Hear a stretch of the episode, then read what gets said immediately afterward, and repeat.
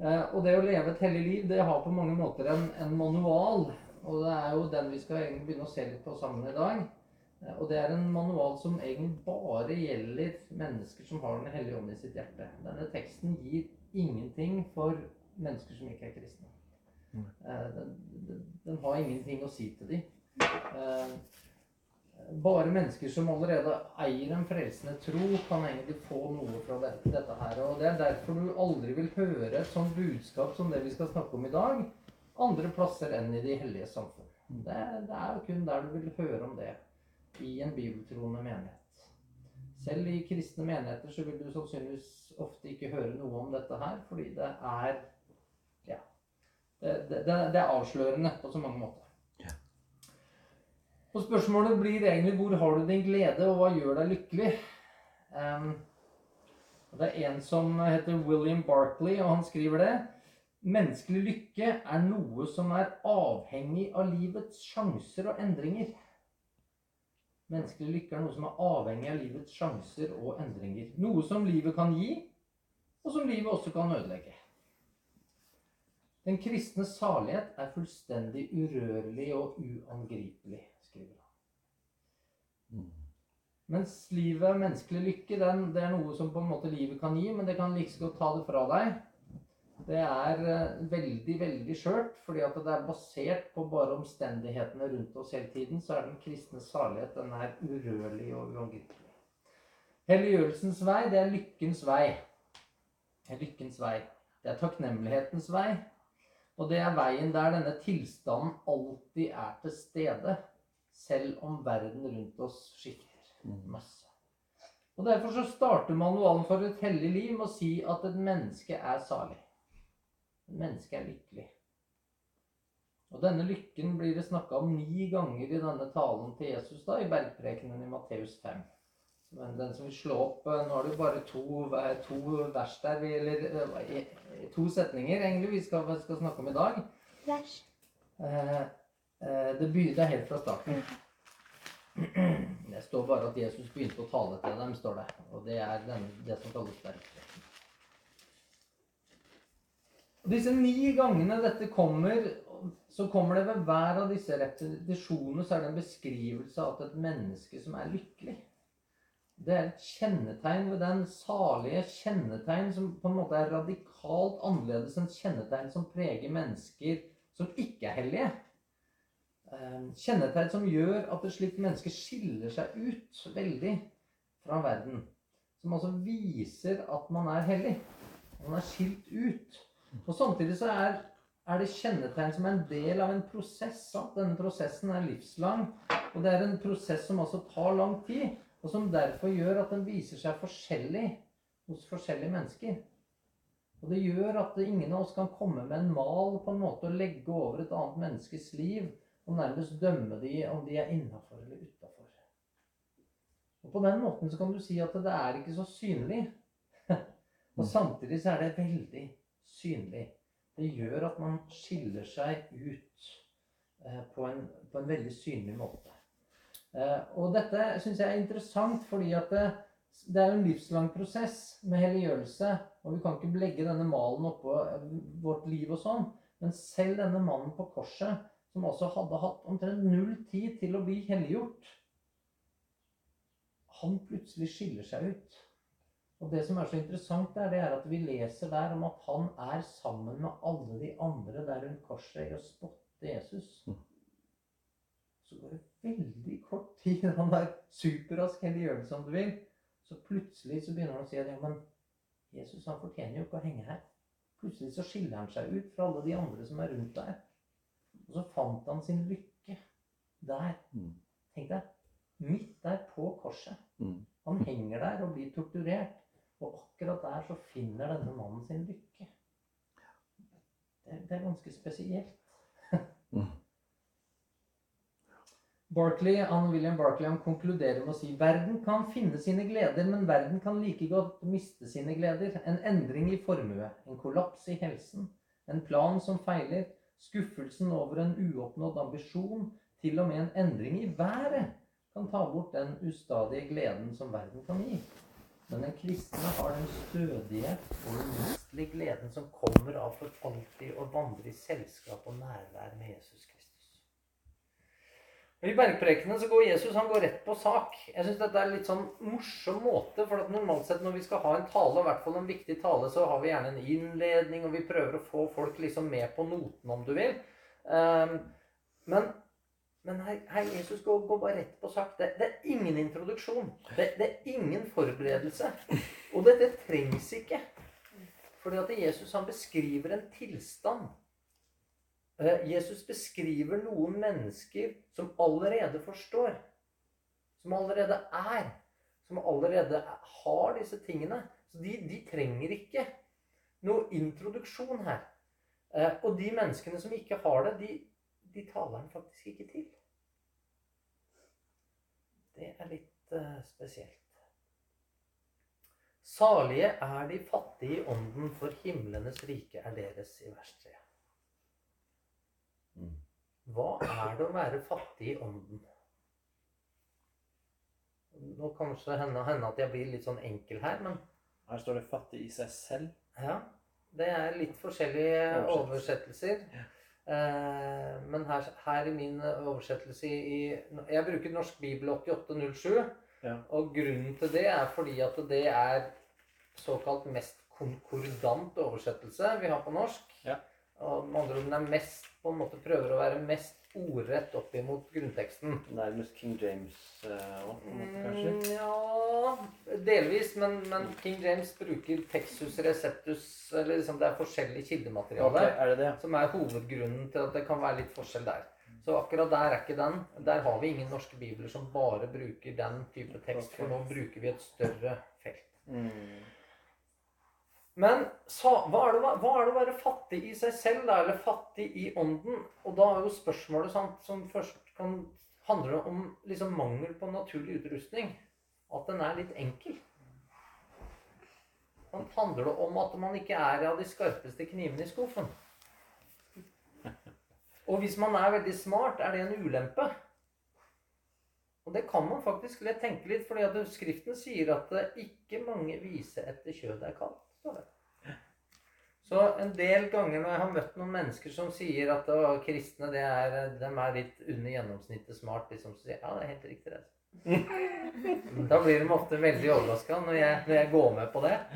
Og så sier jeg men du er helt bibelsk når du sier det. For det er akkurat det Bibelen sier. Og så kan jeg få legge ut hvorfor det er gjerne sånn.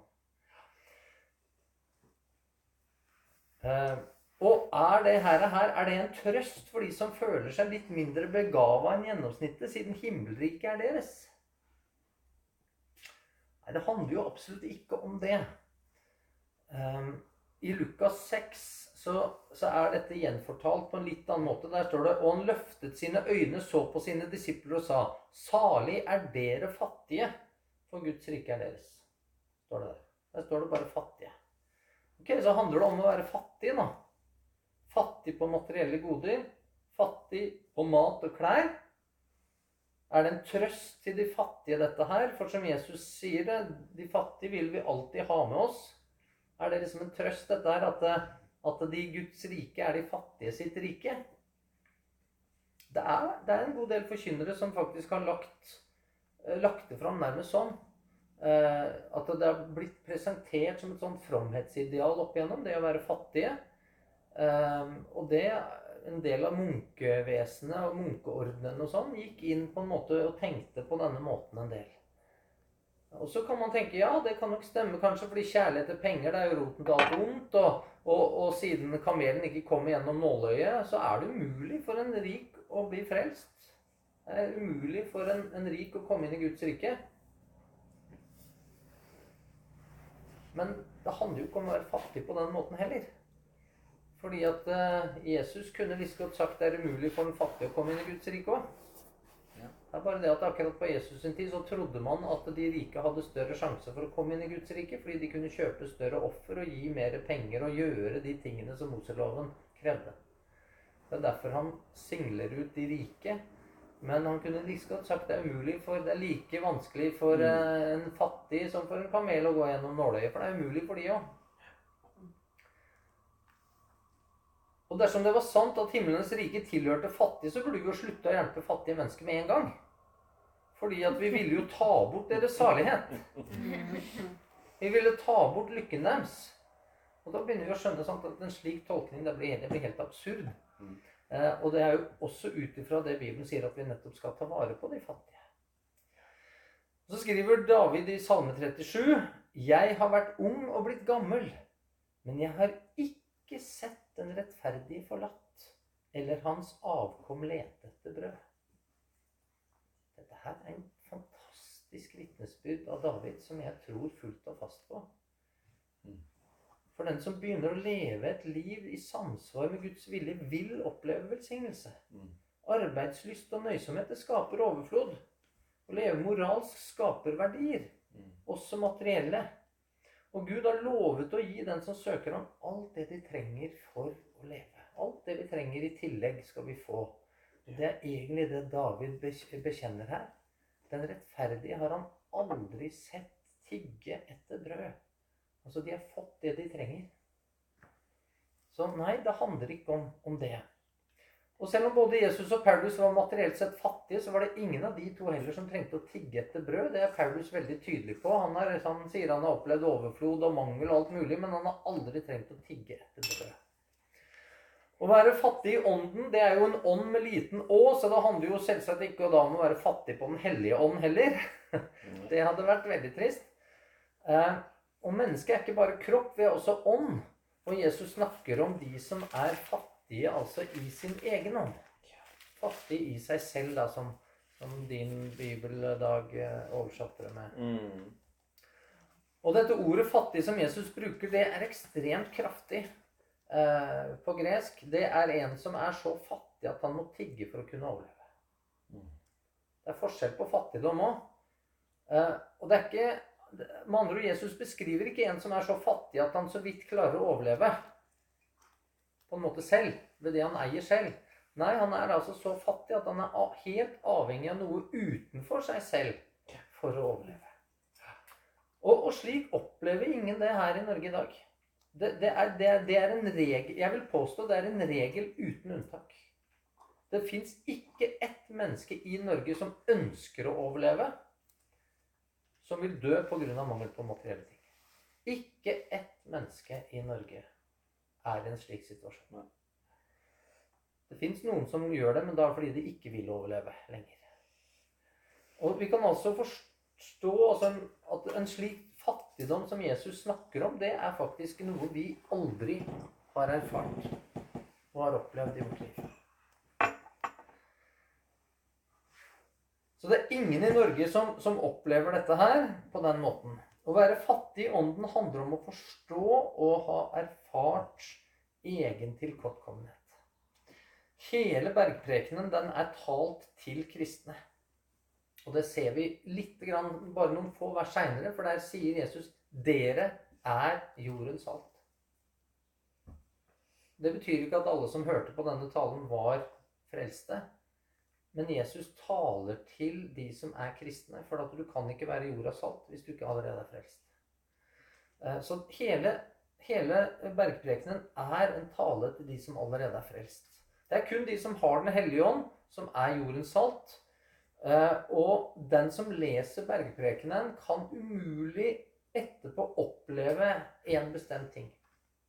Man kan aldri lese bergprekenen og ha et sinn som fungerer, og sitte igjen med konklusjonen ja, dette fikser jeg. Dette her får jeg til. Det, det er umulig å sitte igjen med det inntrykket når du har lest det. Mm. Hele poenget med bergprekenen er å forkynne at du strekker ikke til. Helt riktig. Du, du, du når ikke opp til Guds standard. Det hellige livet som en kristen er kalt til å leve, det klarer du ikke å få til i egen kraft. Og Derfor så starter jo nettopp hele bergprekenen på en veldig akademisk, da riktig måte, eller en sånn læremessig riktig måte, ved å, be, ved å konkludere med hovedpoenget for talen med en gang. Salige er de fattige i ånden. Mm. Altså, du, han har allerede konkludert der i første setningen. Da kunne han egentlig sagt amen og gått og satt seg. For det er, det er på en måte det hele talen handler om, men han, han utbroderer jo litt, da. Lykkelig er du dersom du har innsett at dette makter jeg ikke. Lykkelig er du om du ser på deg selv som så fattig at du innser at du er avhengig av noe utenfor deg selv for å kunne leve et hellig liv. Og Dersom man er rik på materielle ting, så kan det være vanskeligere å, å se og erfare det, fordi at vi erfarer ikke at våre egne ressurser ikke strekker til. For de strekker egentlig alltid til. Vi har overflod. Sant? Ikke bare holder det til på en måte det vi, vi må ha, men vi har overflod til ting vi egentlig ikke trenger òg. Til mer klær, mer materielle ting. Til turer, til reiser, til finere bil osv. osv. Vi, vi har det, det strekker til. Ja, det strekker mer enn nok til, faktisk. Og rikdommens bedrag er jo nettopp at den får deg til å tro at du har noe å bidra med i forhold til Gud og i, i forhold til din egen og andres frelse. Dette er så lett for oss å tenke. Altså, I Skaper, f.eks., så, så, så tenker vi noen ganger at å, vi skulle hatt litt mer penger, sånn at vi kunne begynt å ansette folk. For eksempel. Liksom det hadde gjort noe. Og så har vi en norsk kirke som har penger i overflod ingen blir frelst. Altså, litt overdrevet muligens. Jeg håper, håper jeg tar feil der, men, Ganske riktig. men det er ikke sikkert at det er helt feil heller.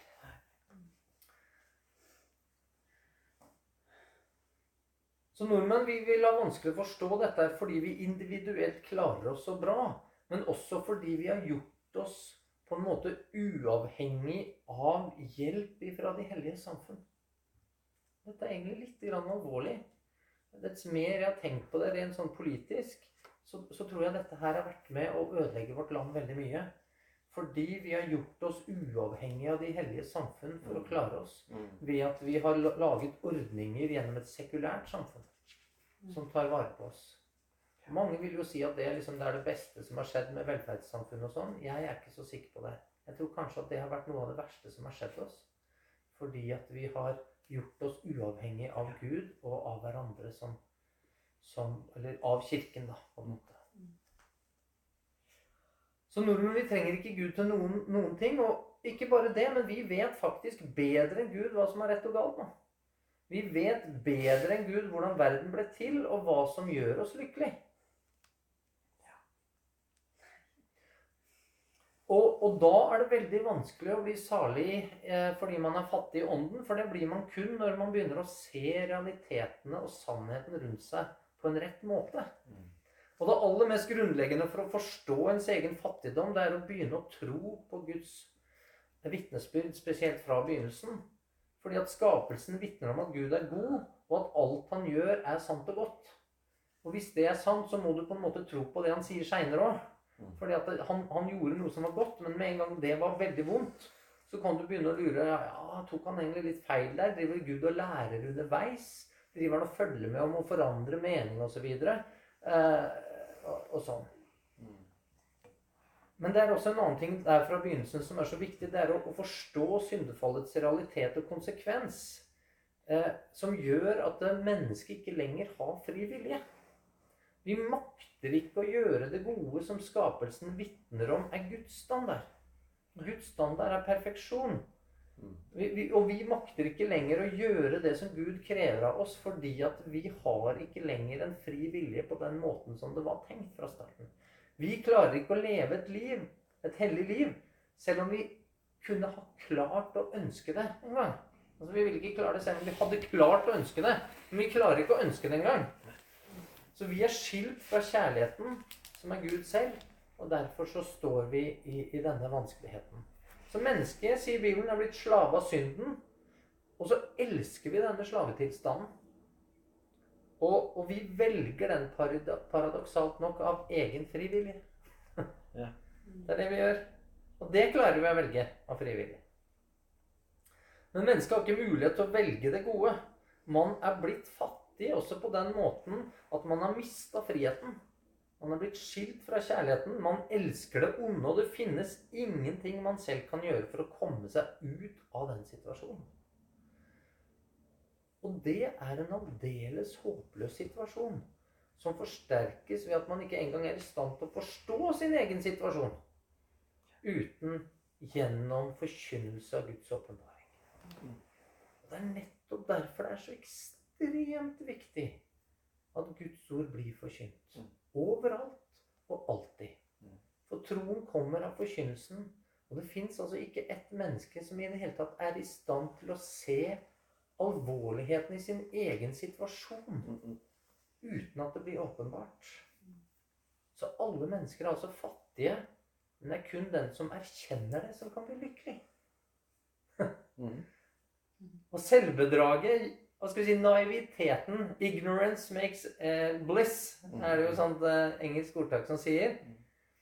Og det er fordi at når du ikke vet bedre, når du på en måte er naiv, så kan du på en måte ha en, en viss form for lykke der. Du, du, du kjenner ikke til problemene, du vet ikke hvor gærent det er, og, og der går du og å, har det egentlig helt fint. Men så sier egentlig Bibelen at eh, den fattigdommen som vi lever i, den må vi erkjenne før vi faktisk kan bli lykkelige på ordentlig. Så kan du vite hva, hva Bibelen sier. Du kan forstå det rent intellektuelt. Ja, du kan til og med tro det uten å eie himlenes rike, sier Bibelen. er veldig tydelig på det. Og Jesus sier jo ikke at den som forstår at man skal være fattig i ånden, eier himlenes rike. Han sier ikke at den som tror at han er fattig i ånden, eier himlenes rike heller. Han sier at de som er fattige i ånden Himlenes rike er deres. Mm. Så man blir altså fattig i ånden når man forstår virkeligheten om skaperverket. Hvilken tilstand det er i, og om seg selv, og hvilken tilstand man selv er i. Slik Gud har åpenbart i Bibelen. Og det er kun der du kan finne det. Og når man ut fra denne forståelsen velger å leve sitt liv, da i den kampen som automatisk oppstår, og den strid som Bibelen forteller gjelder alle som søker den smale vei og vil gå gjennom den trange porten. Da, da begynner du å leve i en kamp. Sånn, kjemp for å komme inn gjennom den trange port, sier Bibelen. Mm. Og virkeligheten handler egentlig om en kamp. Alt handler om en kamp, og spørsmålet er bare hvordan kjemper du? Kjemper du på menneskers vis, eller kjemper du på Guds vis? Og man blir altså fattig i ånden når man forstår altså disse tingene. Og hvor, hvordan, altså, eller hvorfor er det viktig å gå inn i denne kampen? Da? Hvorfor er det så viktig? Jo, det er fordi det er altså en kamp i seg selv å søke Gud i ordet og bønn. Mm. Det, det er en kamp. Det krever noe å skape rytme i livet som gir tid til det som er rett og det som er godt. Så er det en kamp å underkue det gamle mennesket. Mm. Og det skal du gjøre gjennom sultefòring. Og det er, det, er ikke, det er ikke en behagelig ting. Man må altså kutte ut alle de tingene som gir næring til det som er feil. Så det er en kamp. Så man slutter å fylle seg med det som ikke er etter Guds vilje. Og så tror jeg det viktigste er at alle går inn i kampen på, på forskjellig vis. Og i mer eller mindre grad så har alle forsøkt å kjempe i egen kraft. Og Det er derfor på en måte det er viktig å gå inn i kampen. Ehm, fordi at det begynner å åpenbare noe etter hvert. Hvordan du kjemper. Fordi at du begynner å kjempe i egen kraft og med egen forstand. Det tror jeg alle gjør i mer eller mindre grad. Og det gjør vi selv om vi har lest i vår bibel og vet at nei, men det går jo ikke. Ja, det vet vi intellektuelt. Eh, men, men det som skjer ofte, det er at vi, vi begynner å streve bare mer og mer i egen kraft. Og dets mer vi kjemper i egen kraft, jo større blir dette fallet som vi vil oppleve. Og jo raskere vil sannheten om virkeligheten gå opp for deg og meg. Og dette er ekstremt viktig. Og kanskje er det sånn at du allerede er kommet dit hvor du har opplevd dette fallet. Eller kanskje skjedde det for lenge siden. Eller så kanskje har du ikke opplevd det ennå. Litt avhengig av det. Men på et eller annet tidspunkt i det du velger å kjempe, så vil du komme til enden av deg selv. Du vil komme til enden av deg selv. Enten så er det at du, du har rett og slett ikke mer krefter. Eller så har du ikke flere gode ideer om, om hvordan du skal på en måte løse det eller takle det. Eller så har du rett og slett ikke mer håp. På en eller annen måte så kommer du dit. Du har kjent på at det, det nytter ikke. Det er umulig. Så kjenner du på det som Bibelen beskriver som et sønderknust hjerte. Du kan oppleve deg skamfull. Du kan begynne å tvile på at frelsen kan gjelde deg. Og så er det en stemme i deg som kan føles ubehagelig sterk, som sier at det er like greit å slutte å hykle og heller leve livet uten stadig dårlig samvittighet. Og så må du innrømme for deg selv at jo da, jeg elsker faktisk synd. Jeg, jeg er, ja, det var en del ting der som jeg klarte å liksom slutte med, men det er en del ting som jeg faktisk elsker. Mm. Så er det synd i ditt liv som du har kjempa mot, men som du likevel ikke har vært villig til å gi helt slipp på. Eh, og du har, har prøvd å omvende deg, men samtidig beholder bare litt av det du liker ved synden. Og, og, kanskje er det ikke blitt så veldig synlig lenger, eller dominerende i ditt liv. Men, men det er der kanskje bare i form av en tanke eller en, en lyst. Og kanskje har du kjent på noen ganger at ah, nå, nå har jeg kontroll. Nå har jeg kontroll. Eller nå er det ikke så stort problem lenger. Det er jo fordi man har kjempa litt. Man har, man har prøvd. Men kanskje etterpå, etter at du nettopp har kjent på det, så kan du kjenne deg fullstendig overvelda av lysten til å gjøre det onde. Mm. Det, det, det, er plutselig sterkere enn noen gang tidligere. Og så kjenner du at den der, den, din flørting eller litt sånn lemfeldig omgang med det som er urent, har ført deg til et, et sted hvor nå er det blitt alvor. Nå er det blitt alvor. Det er blitt et helt klart spørsmål for deg om det blir frelse eller fortapelse. Det kan du kjenne på lenge etter at du ble en kristen, eller trodde du var blitt en kristen. Og da kan man plutselig begynne å føle seg forvirra også. For hvorfor havna jeg her? For jeg ønska jo å ta dette alvorlig, dette med troen. Og når jeg virkelig begynte å tro og begynte å oppleve samfunn med Gud, og ønska å leve et hellig liv og, og begynte å føle framgang, det var da jeg oppnådde å, å, å, å oppleve bunn. Det var da jeg nådde bånd. Mm. Det er rart, det der. Når vi begynner å ta ting alvorlig i kristenlivet, virkelig søke Gud Jeg tror det er da vi vil begynne å oppnå å nå bånd. Å kjenne på dette sønderknuste hjertet. Og Jeg har bare lyst til å si, kjære bror og søster, at det er bare den som går inn i kampen, som kan havne der på bånn. Mm. Det er bare den som kjemper, som kan oppleve å tape. Mm. Det er bare de som kjemper, som kan klare å komme til enden av seg selv. Mm. For de som ikke kjemper, det krever jo ingenting. De klarer seg tilsynelatende kjempefint i egen kraft. Og, og, de kan virke som de mest vellykka blant de kristne.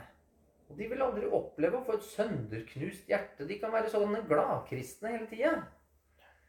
Um, og de kan nok oppleve litt sånn ubehag av synd, men, men, unnskyldningen den er aldri veldig langt borte. Og det blir aldri et skikkelig oppgjør med mindre man ønsker å leve et hellig liv. Og dersom du altså opplever eller har opplevd å, å nå bunn Altså, da, da vil jeg si fatt mot. For da begynner du ikke bare å forstå intellektuelt at du er fattig. Men du har begynt å erfare det. Du kjenner det. Du vet du ikke bare burde være fattig, men at du er det. Mm. Og akkurat her på bunn så vil en sann tro vise seg. For det er nettopp der du har kommet til det punktet hvor det eneste du har å klynge deg til, det er Guds løfter. Mm. Og det er akkurat der du står i et valg om å tro på de løftene eller å gi opp. Og akkurat der på bånn, hvor Gud kanskje føles lenger borte enn noen gang før i ditt liv, så er sannheten det helt motsatte. Mm. Og Paulus sa at det var trøst å finne i Skriftene, altså Gamletestamentet.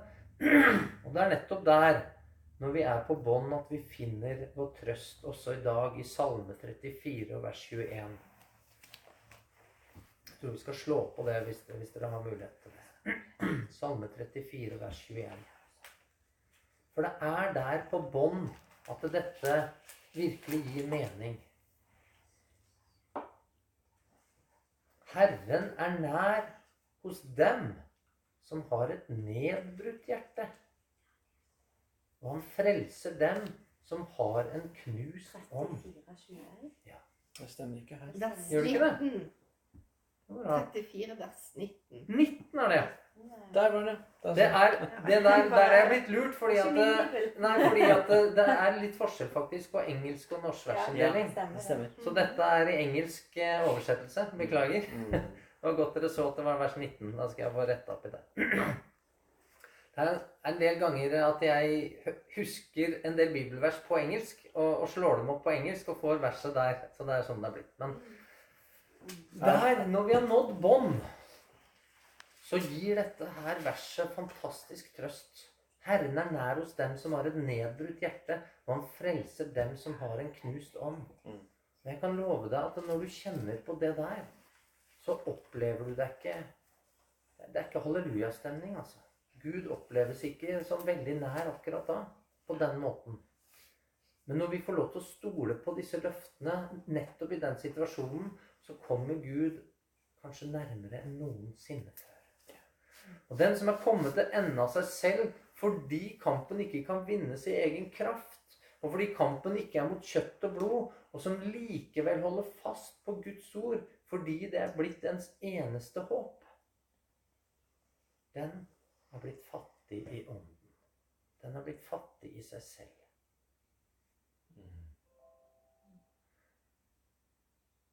Men akkurat dette her kan altså aldri gi noen menneskelig form for glede. Denne tilstanden gir deg ikke noen menneskelig form for glede. Det er ingenting av de gleder som verden kan gi, som vil gi deg glede akkurat der. Og Derfor så er det avslørende òg, fordi at eh, har man bygd opp sin glede Hvor har du din glede? starter jeg med å si. Hvis du har bygd opp gleden din gjennom verdens gleder, så vil du i det du forsøker å leve et hellig liv, oppleve at all din glede blir borte. Mm. Da kan man bli så forvirra. Og så kan man søke tilbake igjen. Det blir denne rusen som da mangler i livet. med Dette tomrommet og denne gleden som plutselig har blitt borte. Og hvis ikke Gud får lov til å fylle det gjennom sine løfter, så vil vi vende tilbake igjen til der vi hadde vår glede før. Hunden vender tilbake til sitt eget spy. Ja, det er helt riktig. Det er akkurat det. Så dette kan ikke gi noen menneskelig form for glede. Og når Jesus derfor fortsetter å si 'salig er de som sørger', for de skal trøstes, så kan man tenke at Jesus sier det fordi man er blitt så deprimert av å innse sin tilstand at man trenger trøst. Man er liksom blitt så, så, så veldig deprimert av denne av, av på en måte denne opplysningen og, og, og det man ser på en måte eh, av, av tilstanden og sånn. Men, men det er ikke sant. Det er ikke, det er ikke derfor. De fattige i ånden er jo salige. De er lykkelige. De er ikke deprimert. De har jo forstått at Gud har gjort det de selv ikke får til. Du blir ikke deprimert av det. Det er jo ingenting som mangler. Du har jo mer enn før. Mm. Deres tilstand er jo fullstendig forandra gjennom å se sannheten. De er blitt gjenoppretta. De er gjort til Guds barn. De jo, har fått nåde gjennom Jesu liv, død og oppstandelse. De har fått arverett til Guds rike, og det hører dem til. De kan jo ikke være deprimert over en sånn situasjon. De vet det ikke er noe som lenger kan forandre den sannheten. For de har kommet til bunnen av seg selv. De, de, de har ingenting å bidra med. Og likevel eier de alt dette. Og det betyr at ingenting kan forandre det. Ingen tilstand i deg selv, Ingen tilstand i verden kan forandre på den sannheten. Fordi du har erfart å komme til bånd. Du har ingenting, og likevel eier du alt. Mm. Det fins ingen grunn til å være deprimert. Snarere tvert imot. Det fins ingen større grunn til lykke. Fordi lykken er nå fundert på noe som er utenfor deg selv. Som er helt uavhengig av din dagsform og dine følelser Mm. og din kraft. Og det er ingen som kan ta fra deg den lykken. Den er grunnfesta, uforanderlig, og ingen skiftende skygge i verden kan endre den lykken. Hvorfor sørger da de som er fattige i ånden? Det virker jo som en selvmotsigelse av Jesus å si 'lykkelig er de som sørger'. Happy sad. Ja. Det må være melankoli på et helt nytt nivå. det fins noen som er så melankolske at de på en måte de elsker å være litt, litt lei seg hele tida. Mm. Nei, det er ikke det Jesus snakker om. Nei, de er lykkelige fordi deres sak med Gud er i orden. Og du kan være lykkelig fordi dine synder er vaska bort. Du er ren og rettferdig himmelen verdig. Og samtidig vil den som har erfart Guds nåde, sannhet og kjærlighet på denne måten, sørge. Hva er det man sørger over da? Men det handler ikke om den sorg som vi alle kan møte i livet her på jorda. Eh, Det som livet bærer med seg. Du kan sørge over sykdom. eh, Du kan sørge over død, over tap av vennskap, over ødelagte relasjoner, brutte løfter og skuffelser. Og dette er naturlige ting eh, som vi alle vil møte. Og, og tenk at Gud har til og med designa et system i kroppen vår for å slippe sorgen ut, bokstavelig talt. Mm. Hvorfor har han designa tårekanal, liksom? Ja. Det er veldig fint å få den ut. Ja. Det er utrolig godt å få den ut. Mm. Så det er sunt og godt for oss, denne naturlige sorgen. Det er viktig å ikke hindre den naturlige sorgen. Men det finnes også en unaturlig eller syndig sorg. Eh, Og det er en sorg over å ikke få gjort det som ditt onde hjerte ønsker, eller det som hjertet begjærer. Mm. Og Vi leser om et par sånne typer sorger i, i Bibelen også. Slik som eh, sønnen til David, Amnon, sa han, han sørga seg syk, står det. Han sørga seg syk for han ikke fikk lov til å besmitte sin egen søster Tamar. Og Gud hadde vært veldig tydelig etter utgangen av Egypt at nå fikk du ikke lov til å avdekke din søsters nakenhet lenger. Før det så var det greit faktisk å gifte seg med sin søster, fordi genene våre var ikke så ødelagt at det gikk helt greit. Men eh, Gud som visste at alt var lagt under forgjengelighet, han visste at nå skada det barna, og derfor så ble det tabu, eller synd, å avdekke sin søsters nakenhet. Mm. Så her har vi Amnon som sørger seg syk for at han ikke får lov til å synde. Og vi ser det samme i kong Ahab, som, som sørga så mye at han ikke engang ville spise fordi at han ikke fikk lov til å kjøpe vingården til Nabot. Eh, og igjen fullstendig feil type sorg. Det, det, er ikke, det, er ikke, det, det, er, en unaturlig og en syndig sorg. Den kan være sterk, ja, men det, det har ingenting med om det er rett å gjøre. Den sorgen som Jesus taler om her, det er en, det er en gudgitt sorg. Den, den kommer først og fremst av at du ser inn i ditt eget hjerte. Av det du ser der. Den som har blitt fattig i ånden, der Gud har åpna ens øyne, den, den innser sannheten om seg selv og virkeligheten rundt seg, som vi snakka om. Og, og det som begynner å skje da, det er at man begynner å se synd for det det er. Mm. Man begynner å se synd for det det er. En, en begynner å se opprøret som det representerer mot Gud. En, ser hvor skadelig det er for relasjonen til Gud. Men også hvordan det ødelegger mitt forhold til min neste. En, ser hvor skadelig det er i sitt eget liv. Man, man erfarer alle disse tingene. Man ser mønstre. Man begynner å forstå at når jeg gjorde sånn, så skjedde det. Og, og det, det, det er en del ting som faller på plass.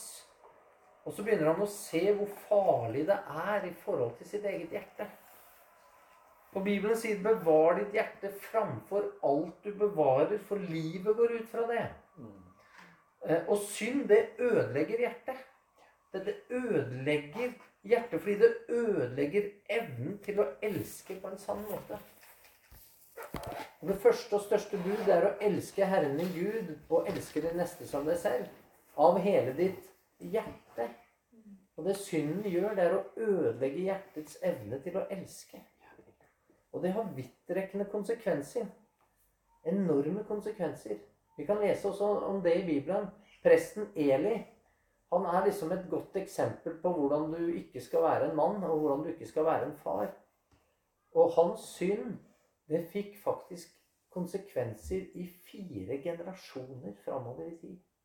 Lenge etter han døde, så hadde det alvorlige, alvorlige konsekvenser.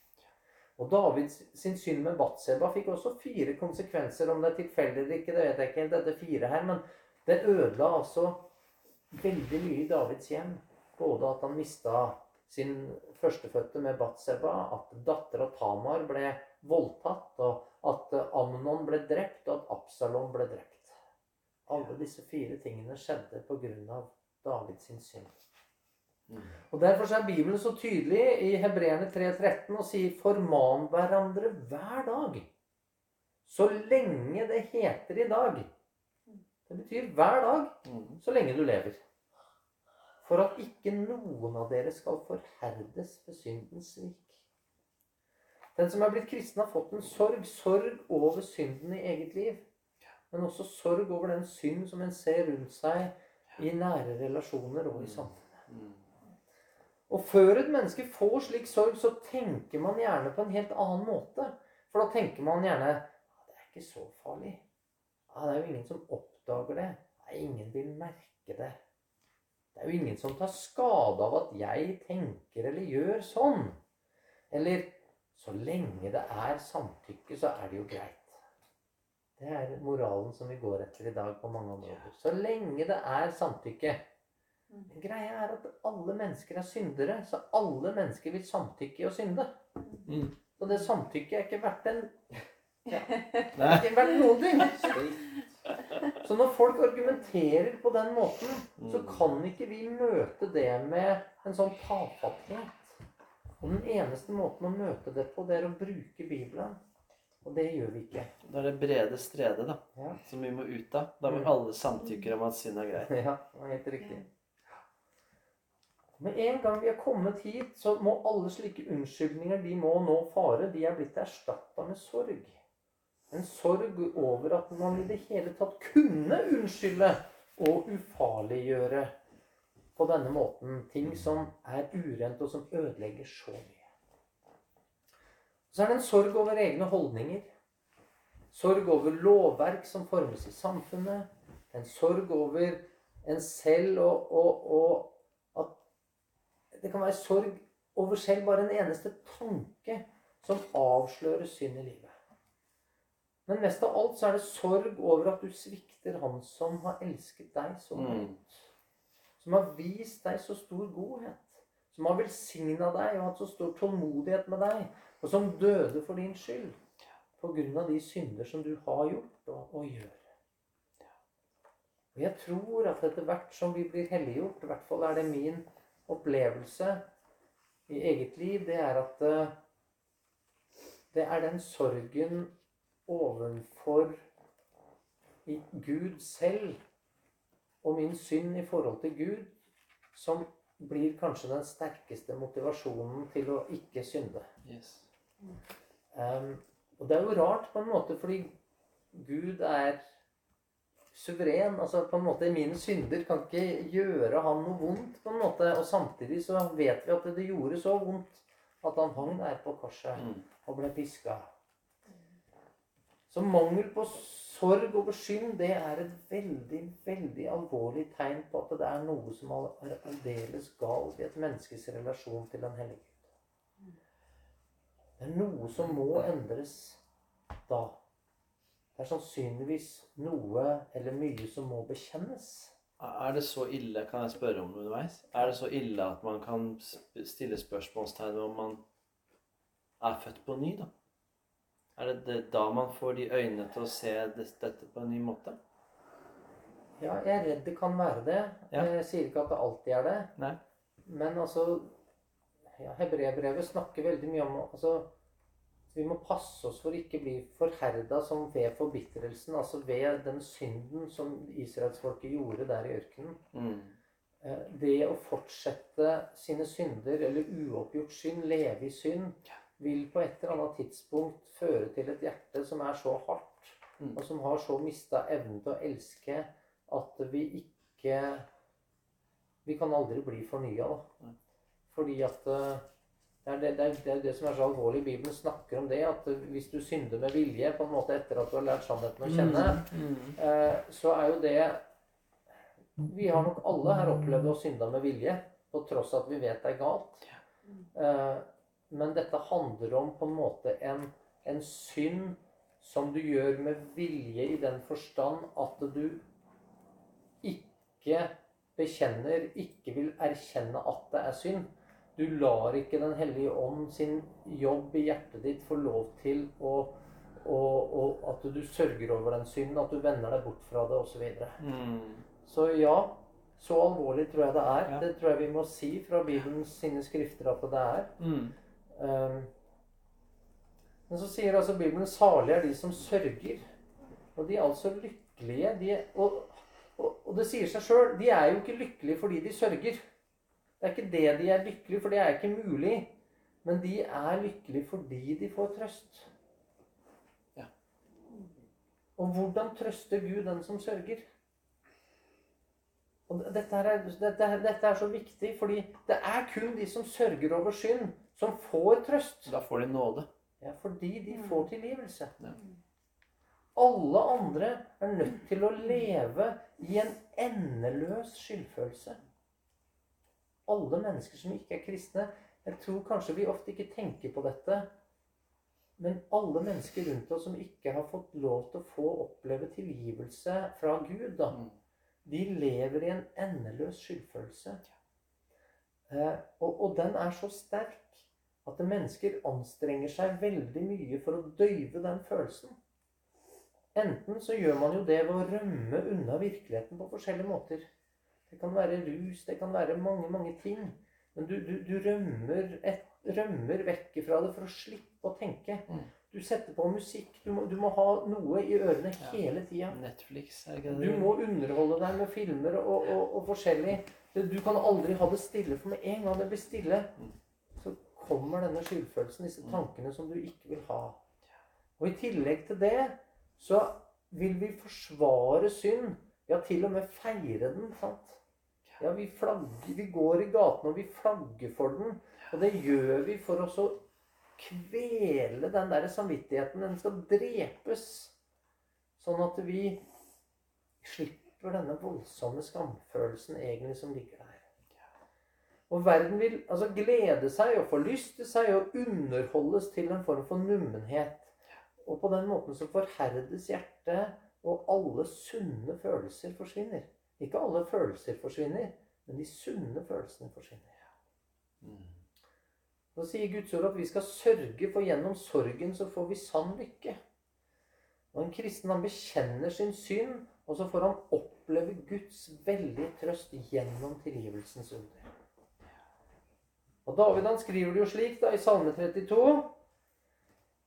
Salig er den som har fått sin overtredelse forlatt og sin synd skjult. Det er eh, rett inn i dagens tekst. Ja.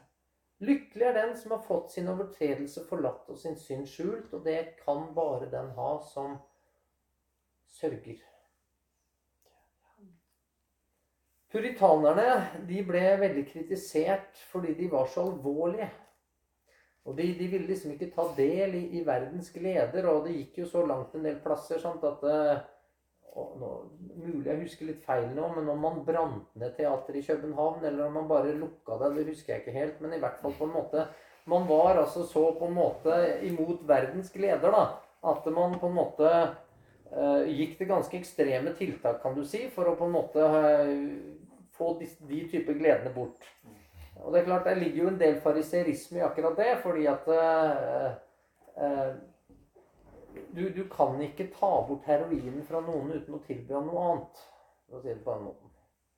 Eh, Det må være en behandling der. Det må være noe annet. Ellers så er det bare et tomrom. Og så det eneste han vil oppleve, er bakrus som er veldig hard, og så vil han lengte tilbake igjen til det han hadde. Mm. Eh, Men jeg begynner å forstå disse puritanerne, disse tidlige kristne, bare stadig mer opplever jeg. For den, den overfladiske gleden som verden gir, den, den opplever jeg har gjennomskua. Den, den, er, den, det er ikke noe hold i den. Og jeg, jeg vet for mye nå. Jeg, jeg kan for mye. Jeg har sett for mye. Jeg har erfart for mye til å kunne le sammen med verden over de tingene som mange i verden ler av. Mm. Eh, og, og det gjør meg jo alvorlig, på en måte. Det gjør meg ikke nødvendigvis sånn lettsindig og veldig munter. Og så opplever jeg at kirka også har blitt smitta mye av den der lettsindigheten som preger verden. Eh, og det jeg ser, det er at det, mitt samfunn, Norge, og, og som vi står midt i Guds dom Det er jo ikke noe å le av. Vi har nettopp hatt en masseskyting i Oslo. Det er, det er ikke noe å le av. Og det skjedde natta før folket her skulle gå ut og feire synd og umoral, det Bibelen kaller skammelige synder. Mm. Det er ikke noe å le av. Det, det, er altså ikke, det, er ikke, det er ikke mye å le av der ute. Eh, men ved, å, ved bekjennelse og tilgivelse så kommer det likevel en glede. Kanskje ikke den gleden som gjør at jeg ler så veldig mye. Eh, men noe som er mye dypere, mye mer holdbart. Nå går vi mot slutten, da. Det finnes mange som, som tror de er kristne, men som aldri har kommet til Jesus med en ånd som er konkurs. De har aldri nådd bunnen av seg selv. De gikk aldri inn i kampen, fordi kampen er hard. Den krever noe. Ja, den krever faktisk så mye at vi ikke klarer det. Så mye krever den. Mm. Og idet du går inn i den, så vil du på et eller annet tidspunkt komme til den bunnen. Og det er ikke noe hyggelig. Og som aldri har kommet til Jesus med sorg over sin synd. Ja, kanskje en del ting, men, men de holder igjen masse og unnskylder en hel haug. Men den eneste veien til glede er gjennom nettopp dette. Fordi den eneste veien til å få trøst er gjennom det. Og det er den eneste veien der du får lov til å arve himmelriket. Mm. Som altså kan gi oss den største glede. Det himmelriket har vi fått del i her og nå. Midt i et Norge i 2022 som går helt av hengslene, så er vi allerede en del av Guds rike. Og vi kan få lov til å glede oss over det.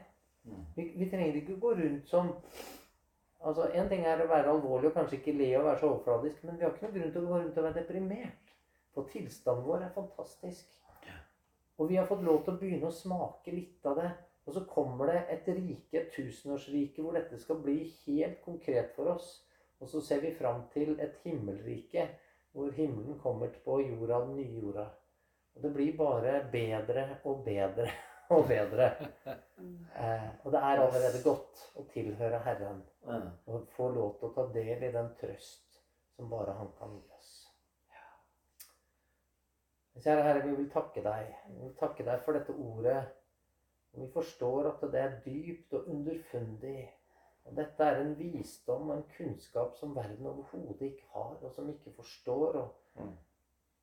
Og, og det gjør at den gleden som verden har, den, den, den er aldri varende. Den kan aldri være sann, fordi den er ikke i pakt med virkeligheten.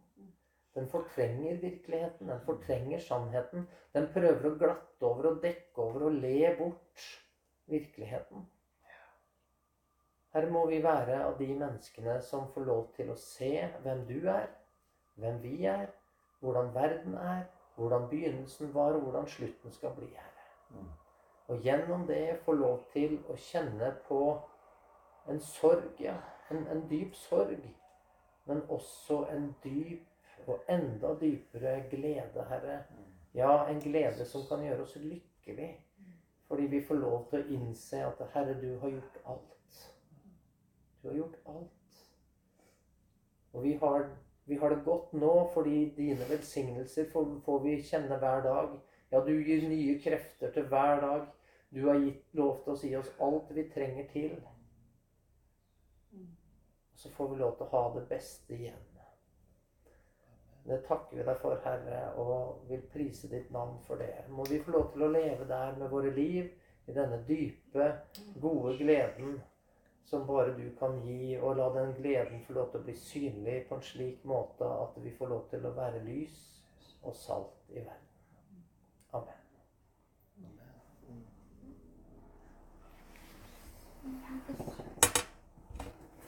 Da synger vi en sang til, og så gjør vi litt sammen. Yes. Da slår vi opp på 319. Det er en sang vi hører en god del på engelsk, egentlig, men nå skal vi jo synge den på svensk. Som man er mest kjent på, selv i Norge.